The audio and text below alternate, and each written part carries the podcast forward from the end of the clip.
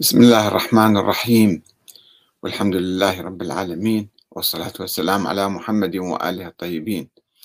ثم السلام عليكم أيها الأخوة الكرام ورحمة الله وبركاته. كيف نفكك الأسس التي يقوم عليها الفكر الطائفي؟ حديث الثقلين مثالا. الفكر الطائفي لا يقوم على القرآن الكريم. ولا يستند إلى آيات واضحة صريحة في القرآن ولا إلى أحاديث نبوية آه، متواترة وصحيحة. إنما يقوم آه، على على تأويل بعض الآيات تأويلا تعسفيا وعلى أحاديث يعني ملعوب فيها. أساس الحديث قد يكون موجود ولكن يضاف إليه وينقص منه ويحور ويغير حتى يعطي فكرة معينة تشكل أساس الطائفية والفكر الإمامي يقوم على مجموعة أحاديث منها حديث الغدير مثلا وقد ناقشنا هذا عدة مرات. هل يدل دلالة واضحة صريحة جلية أم لا؟ في حادثة عرضية مؤقتة في موقف معين ولا يتحدث عن النظام السياسي. لأنه في القرآن الكريم أساسا وفي الأحاديث النبوية آه، لم يتحدث الإسلام عن نظام الحكم. في القرآن توجد آه، قيم وأخلاق وطبعا عبادات وأحكام آه، قيم وأخلاق للحكم الحكم بالعدل مثلا. هذه القيمة أو الشورى. هذه صورة عامة يعني ولا تتحدث عن دستور آه، نظام الحكم ما بعد النبي. لا يوجد دستور. لذلك الصحابة يعني بادروا واختلفوا وتناقشوا وحاولوا أن يضعوا مبادئ دستورية في البداية. ولكن نظرية الإمامة التي ظهرت في القرن الثاني الهجري حاولت أن تأتي ببعض الأحاديث وتغيرها وتبدلها وتضيف عليها و آه، ليس الشيعة الإمامية فقط وإنما عموم آه، السياسيين. حتى الأمويون قالوا أن الخلافة في قريش جابوا لهم الحديث مختلق وقالوا نحن من قريش فإذا نحن نحكم. آه، العباسيون قالوا لا الخلافة في عترة الرسول. والعترة تعني العشيرة ونحن من العشيرة فإذا الحكم لنا. وهكذا سوف نستعرض بعض الآراء في هذا الموضوع. الشيعة الإمامية قالوا لا العترة وأهل البيت وهذه السلالة يعني حصروها جدا في نطاق ضيق. والآن الثقافة الطائفية التي تؤسس للفتنة الطائفية أيضا هي التي تتمسك وتتشبث بهذه الأحاديث حتى يعني تعطي نفسها شرعية وتفصل الشيعة عن بقية المسلمين. وطبعا ما يستتبع ذلك من مواقف سلبية نراها أحيانا من هنا وهناك بناء على هذه الثقافة وعلى هذه العقيدة التي أصبحت عقيدة. آه، فنتأمل في هذا الحديث. كتب أحد الأخوة الأعزاء يقول لي حديث الثقلين متفق عليه. فقد أوصى رسول الله صلى الله عليه وآله باتباع الكتاب وأهل البيت. خلص بعد أنت ليش قاعد تناقش وقاعد آه، خابص نفسك بمناقشة آه، نظرية الإمامة أو وجود الإمام الثاني عشر؟ طبعا آه، بعض الشيعة استدلوا بهذا الحديث اللي رواه على ولادة إنسان ولادة محمد بن حسن العسكري. مو فقط على الإمامة. وإنما استدلوا به أنه آه أني تارك فيكم الثقلين كتاب الله وعترتي آه وهما يعني لن يفترقا حتى يرد عليه الحوض. إذا فالكتاب والسن وكتاب أهل البيت والعترة يعني ما يفترقون فإذا يجب أن نفترض وجود ولد للإمام العسكري ونقول أنه هو الإمام الباقي حتى اليوم. ما هو دليلكم على بقائه يقولون؟ لن يفترق فإذا إذا ما موجود راح يصير افتراق فإذا لابد أن نفترض أنه موجود. المهم هذا هو الحديث الذي دائما يتمسك به بعض الأخوة من الإمامية. فأجبت باختصار وسوف أفصل هذا الموضوع اليوم. وطبعا هذا الموضوع عندما طرحته بالفيسبوك قبل يومين ثلاثة أثار يعني موجة من الحوار بين مختلف الآراء. قلت له يا أخي العزيز من قال لك أن حديث الثقلين متفق عليه؟ هذا أول كلام. أكو ناس يقلدون هكذا هذا آه، كما يسمعون فيقولون هذا متفق عليه.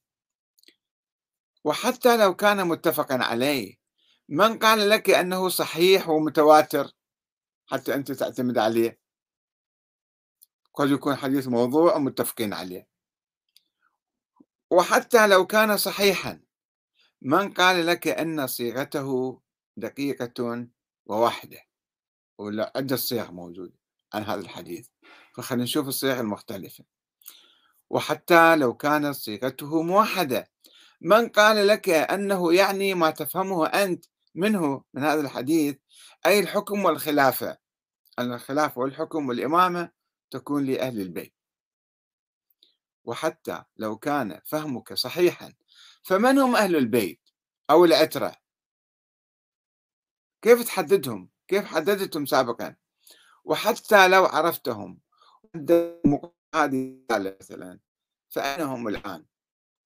وكيف يمكن أن نتبعهم ونخضع لهم ونواليهم ونخليهم على رؤوسنا؟ كيف؟ ما موجودين. فالشيء حديث عبثي يصير عقيم.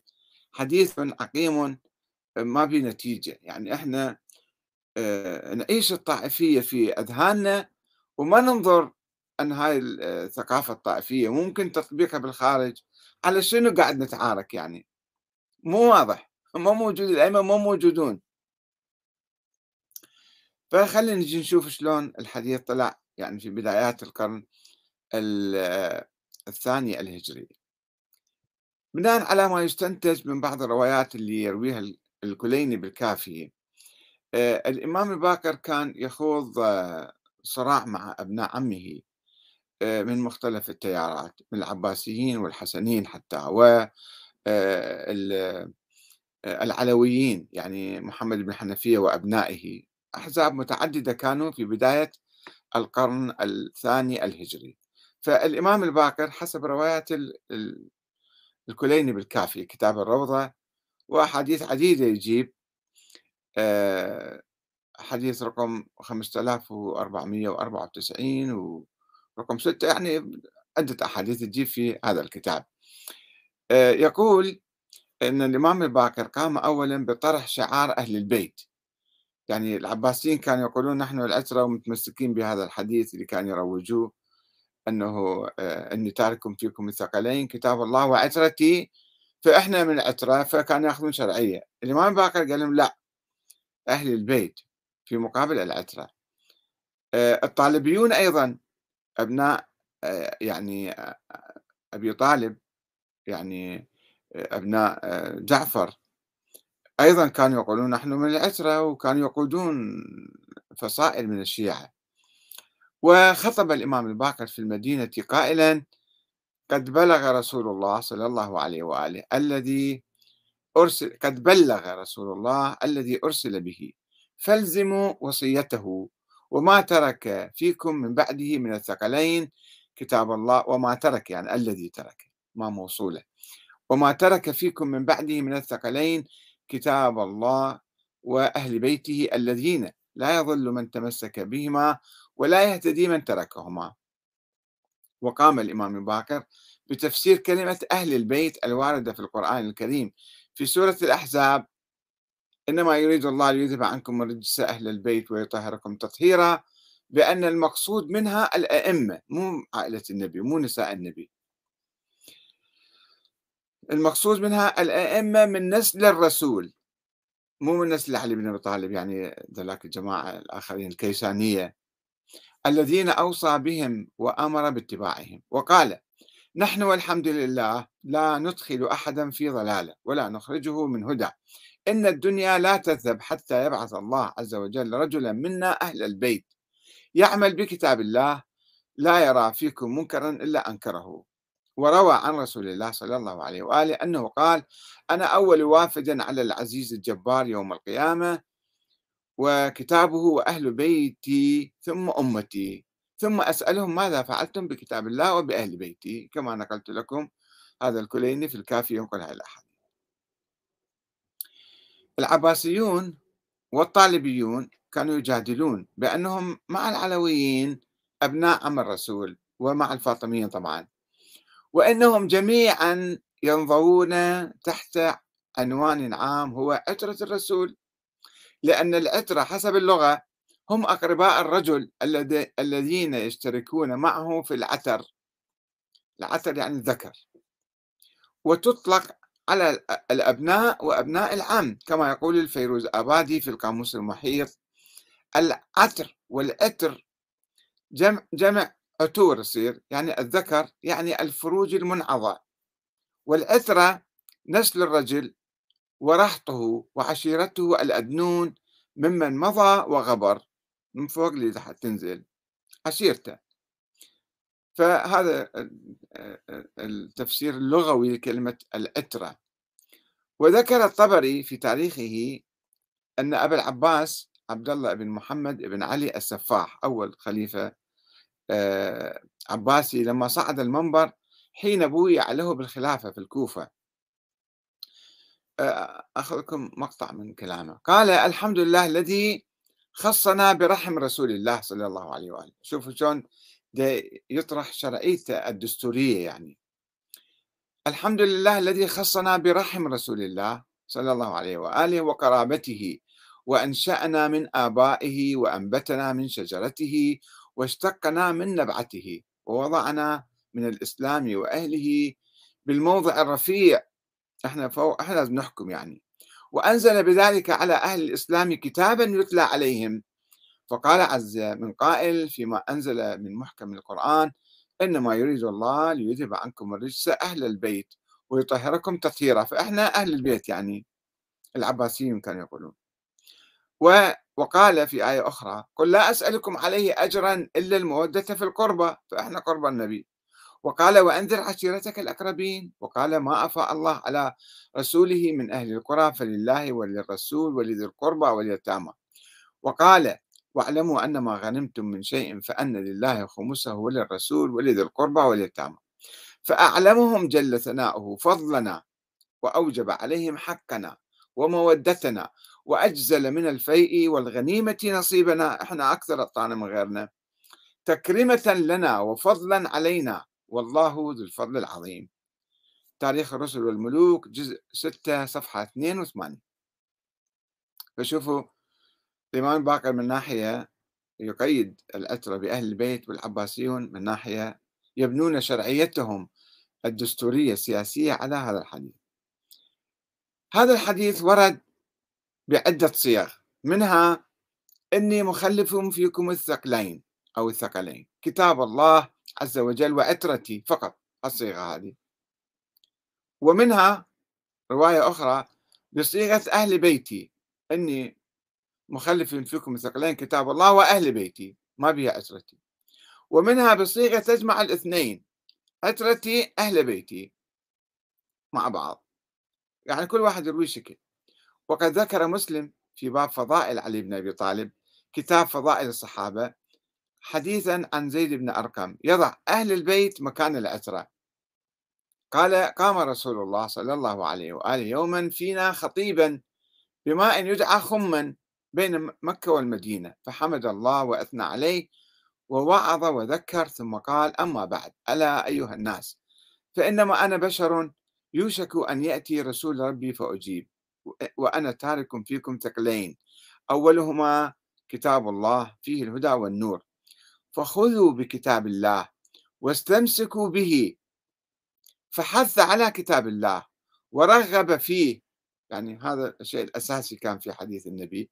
ثم قال وأهل بيتي أذكركم الله في أهل بيتي أذكركم الله في أهل بيتي مرة ثانية ومرة ثالثة أذكركم الله في أهل بيتي.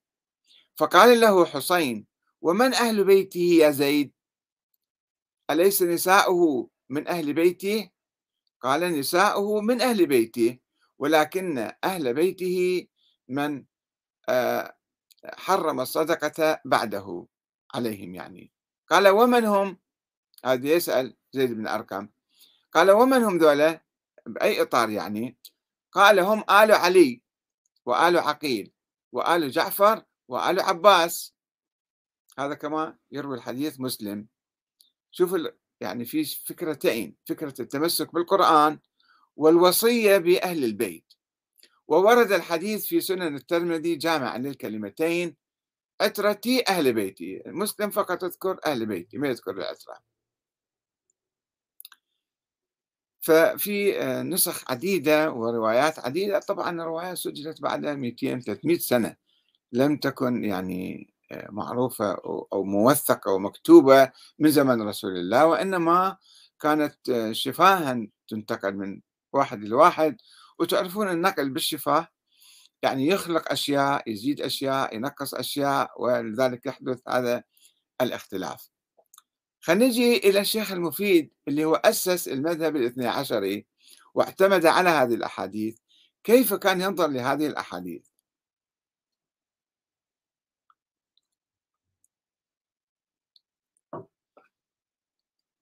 بالحقيقة المفاجأة هنا عند الشيخ المفيد وهذا الشيخ المفيد كان في القرن الرابع الخامس توفى يعني قبل ألف سنة تقريبا.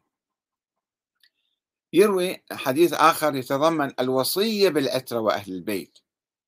هذا الحديث اتخذ منه بعض الإمامية دليلا على النص على أئمة أهل البيت بالإمامة. والآن لما نقول أهل البيت في في الثقافة الشيعية في أذهان الشيعة أهل البيت يعني هذول الأئمة ال 12 مو العلويين مو العباسيين مو الهاشميين مو الطالبين دول كلهم مو أهل البيت دول أهل البيت. هذا الحديث تطور عبر التاريخ واستغله أكثر من طرف من أقرباء الرسول كما قلنا. وقد روى المفيد نسخته الأولى. شيخ المفيد شيخ الطائفة الاثنى عشرية. روى النسخة الأولى من هذا الحديث قبل ما يتطور. يقول أخبرني فلان ابن فلان عن عن ما أطول عليكم عن عبد الله بن عباس عن أكرمة عن عبد الله بن عباس قال أن علي بن أبي طالب والعباس بن عبد المطلب والفضل ابن العباس دخلوا على رسول الله صلى الله عليه وآله في مرضه الذي قبض فيه فخ... وإلى أن يقول فخرج في ملحفة وعصابة حتى جلس على المنبر. ثم قال ألا إني لاحق بربي وقد تركت فيكم وقد تركت فيكم ما إن تمسكتم به لن تضلوا. كتاب الله تعالى بين أظهركم تقرؤونه صباحا ومساء فلا تنافسوا ولا تحاسدوا ولا تباغضوا وكونوا أخوانا كما أمركم الله. وقد خلفت فيكم عترتي أهل بيتي. خلفت فيكم عترة ذاك اليوم يعني. وأنا أوصيكم بهم ثم أوصيكم بهذا الحي من الأنصار. ديروا بالكم على الأنصار. فقد عرفتم بلاهم عند الله عز وجل وعند رسوله وعند المؤمنين. ألم يوسعوا في الديار ويشاطروا الثمار مع المهاجرين يعني ويأثروا وبهم الخصاصة فمن ولي منكم أمرا أي واحد راح يصير النبي ما بده يعين. فمن ولي منكم أمرا يضر فيه أحدا أو ينفعه فليقبل من محسن الأنصار وليتجاوز عن مسيئهم. وكان هذا آخر مجلس جلسه رسول الله حتى لقي الله عز وجل المفيد في كتاب الأمالي صفحة 46 و 47 لاحظوا طبعا مسلم روى الحديث تقريبا مشابه لهذا الحديث في خم يعني بين مكة والمدينة. هنا يقول لا النبي في آخر أيامه آه، قال هذا الحديث. وفي البداية يقول آه، رسول الله صلى الله عليه وآله آه، وقد تركت فيكم ما أن تمسكتم به لن تضلوا. كتاب الله عز وجل كتاب الله تعالى. ما يذكر أنه ثقلين مع بعض لا. أول شيء ترك القرآن ثم النبي يوصي بالأنصار ويوصي بأهل البيت بالعترة يوصي بهم. مو يوصي لهم فرق كبير بين يوصي لهم وبين يوصي بهم. وقد خلفت فيكم عترتي أهل بيتي وأنا أوصيكم بهم. يعني ديروا بالكم عليهم. أي واحد يتولى الحكم خليه يدير باله على هؤلاء. وكما يلاحظ فإن هذه الوصية لا تتضمن حديثا عن الإمامة والخلافة. وإنما تتوجه إلى عامة المسلمين بالاهتمام بالعترة وأهل بيت النبي والأنصار. آه، وهناك وصية أخرى مشابهة تخلو تماما من الحديث عن العترة وأهل البيت يرويها المفيد أيضا عن أبي بصير عن أبي جعفر الباكر قال لما حضر النبي الوفاة قال للمسلمين وهم مجتمعين حوله أيها الناس إنه لا نبي بعدي ولا سنة بعد سنتي. فمن ادعى ذلك فدعواه وبدعته في النار. ومن ادعى ذلك فاقتلوه. ومن اتبعه فإنهم في النار. أيها الناس أحيوا القصاص وأحيوا الحق ولا تفرقوا وأسلموا وسلموا تسلموا. كتب الله لأغلبن أنا ورسلي إن الله قوي عزيز. الأمالي صفحة 53 شوفوا نفس الوصية تقريبا. ما فيها حديث عن الإمامة والخلافة. ويبدو أن هذه الوصية الأولى اللي قرأناها عليكم قبل قليل تطورت إلى الرواية المشهورة اللي اشتهرت بعدين. إني تارك فيكم الثقلين كتاب الله وعترتي صاروا مع بعض. والبعض اجى أضاف عليها وأنهما لن يفترقا حتى يرد علي الحوض. شلون؟ منو يعني هم من يفترقا؟ شيء مجهول؟ خلنا يتحدث. كتاب الله واضح ومعروف ومكتوب.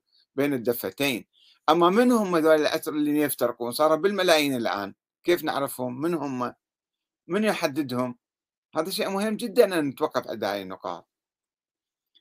ولئن كانت هذه الرواية قد اشتهرت في القرن الثاني الهجري واعتمد عليها الهاشميون كما رأينا في بناء شرعيتهم السياسية الدينية فإنها لم تصبح متواترة وظلت كما هي خبر آحاد. لا يحتوي على معنى سياسي وإنما يقتصر على الحب والمودة والإحسان إليهم إلى أهل البيت والعترة ما في كلام عن الإمامة والخلافة والحكم. والرواية كما ينقلها الشيخ المفيد هكذا عن معروف بن خربوذ قال سمعت أبا عبد الله أبا عبيد الله مولى العباس يحدث أبا جعفر. قال سمعت أبا سعيد الخدري يقول إن آخر خطبة خطبنا بها رسول الله صلى الله عليه وآله في مرضه الذي توفي فيه خرج متوكئا على علي بن أبي طالب وميمونة مولاته مولاته. فجلس على المنبر ثم قال يا أيها الناس إني تارك فيكم الثقلين وسكت. فقام رجل فقال ما هذان الثقلان؟ فغضب النبي حتى احمر وجهه ثم سكن. وقال ما ذكرتهما إلا وأنا أريد أن أخبركم بهما ولكن ربوت. ما قمت أقح يعني ما قدرت أتكلم. فلم أستطع. سبب طرفه بيد الله وطرف بأيديكم تعملون فيه كذا وكذا ألا وهو القرآن. والثقل الأصغر أهل بيتي. ثم قال والله لا يحبهم عبد إلا أعطاه الله نورا يوم القيامة حتى يرد عليه الحوض. اللي يحبهم ولا يبغضهم عبد إلا احتجب الله عنه يوم القيامة. فقال أبو جعفر إن أبا عبيد الله يأتينا بما يعرف. هذا شيء واضح معروف. آه، وبالرغم من أن هذا الحديث هاي الوصية الأخيرة لا يحدد من هم أهل البيت ولا يجعلهم أئمة للمسلمين إلى يوم القيامة. فإن الشيخ المفيد ينقل رواية أخرى أوضح منها ولكنها بدون سند ويدعي أنها ما جاءت به الرواة على اتفاق واجتماع من قوله عليه السلام. هكذا يقول أيها الناس هاي التطور الأخير اللي صار في هاي الرواية. ألا أيها الناس إني فرطكم وأنتم واردون علي الحوض. ألا وإني مسائلكم عن الثقلين. فانظروا كيف تخلفوني فيهما. فإن اللطيف الخبير نبأني أنهما لن يفترقا حتى يلقياني. وسألت ربي أعطاني يعني آه وإني قد تركت تركتهما فيكم. كتاب الله وعترتي أهل بيتي فلا تسبقوهم فتفرقوا ولا تقصروا عنهم فتهلكوا ولا تعلموهم فإنهم أعلم منكم. ألا وأن علي بن أبي طالب أخي ووصيي يقاتل بعدي على تأويل القرآن كما قاتلت على تنزيله يعني شوفوا هنا صارت الرواية يعني إني مخالف فيكم الثقلين ما أن تمسكتم بهما لن تضلوا بعدي وهما كتاب الله وعترتي أهل بيتي وإنهما لن يفترقا حتى يرجع عليه الحوض. وكما رأينا فإن الشيخ المفيد لما يناقش هذا الحديث مع الجارودية الزيدية الزيدية كانوا يتشبثون بهذا الحديث أيضا. إحنا من العترة والإمامة فينا أيضا والعترة عامة. فالشيخ المفيد يرفض الاعتماد على حديث الثقلين أو العترة. وقال في حواره مع الزيدية قالت الإمامية يريهم هذا الخبر بأن يكون حجة لمن جعل الإمامة في جميع بني هاشم أولى من أن يكون حجة لمن جعلها في ولد فاطمة. قال أنتم ليش حاصرين الإمامة في ولد فاطمة في البطنين يعني أبناء الحسن والحسين؟ إذا هذا الحديث صحيح وتعتمدون عليه فلابد أن تقبلوا من العباسيين الذين قالوا أن العترة يعني جميع بني هاشم. العباسيين والطالبيين وكلهم ذولا تشملهم فلازم تعترفون فيهم. الشيخ المفيد يقول لأن جميع بني هاشم عترة النبي وأهل بيته بلا اختلاف. وأضاف الشيخ المفيد يقول لكننا لا نعتمد على ذلك ولا نجعله أصلا لنا في الحجة إحنا ما نحتج فيه. هذا تجدوه في كتاب الجارودية للشيخ المفيد صفحة 40 وصفحة 41 يذكر يقول هذا الحديث يعني أنتم شنو معتمدين عليه يا يا زيدية يا جارودية؟ فكما رأينا يعني الحديث كان اتطور وتغير وتبدل والأساس الحديث كان هو ينص على القرآن ويوصي بالعترة دير بالكم على أهل بيت النبي في ذيك الأيام مو إلى يوم القيامة. يا أيها المسلمون آه، اتخذوهم ذولا مثلا أئمة لكم. هذا ما في لا في حديث عن الإمامة والخلافة والحكم ولا أنه أنه هذول الثقلين مع بعض ولا نفترقا حتى يرد يرد عليه الحق هذه أحاديث أضيفت فيما بعد. ففي الحقيقة لو إحنا فهمنا الشغلة هذه أنه أهل البيت أهل بيت النبي نساءه وأقربائه نحترمهم نحبهم نودهم آه، إذا عندهم تجارب إنسانية تجارب آه، تطبيقات جيدة للإسلام نأخذها من عندهم. لا تتوفر عند غيرهم مثلا. عندهم فهم دقيق للإسلام ناخذه من عندهم. آه، ولكن أن نجعل من هذا الحديث نظرية آه، سياسية دينية ممتدة إلى يوم القيامة وبعد ذلك نجي آه، نتخاصم مع الآخرين أن أنتم ما تعرفون أهل البيت وإحنا متمسكين بأهل البيت. طيب أهل البيت وينهم الآن؟ نرجع لسؤالنا السابق اللي طرحناه.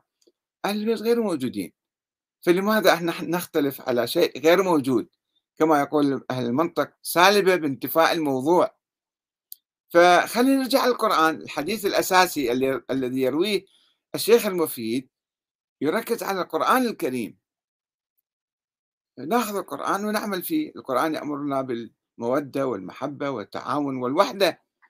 فلماذا نترك القرآن ونثير خلافات وهمية بيننا الآن وما يتفرع عنها. يعني هاي النظرية عندما نكونها ونؤمن بها بعدين نرجع نقرأ التاريخ بشكل آخر ونتخذ مواقف سلبية من الصحابة الذين لم يطبقوا هذا الحديث مثلا لم يعملوا به. وهكذا ونخلق لنا مشكلة وعقدة دائمة إلى يوم القيامة. فخلي شوية نعيد النظر نراجع إلى الأصول الأساسية نرجع للقرآن الكريم ونعرض الأحاديث الأخرى. الظنية هي كل أحاديثها ظنية وأخبار آحاد مو متواترة ولا دقيقة ولا تدل على شيء. نرجع للقرآن ونعمل به ونتوحد ونعمل بالعدل بالعدل والشورى. إذا عملنا بالعدل بالشورى وبالعدل يعني أقمنا نظاما ديمقراطيا يساوي بين جميع الناس ويوفر العدل لهم. هذا النظام هو الذي يطبق الإسلام هو هو ترجمة للإسلام وهو الذي يجمعنا ويوحدنا. بدل ما نتفرق آه، طوائف ونصير نسوي محاصص طائفية ونفشل أنظمتنا السياسية. والسلام عليكم ورحمة الله وبركاته.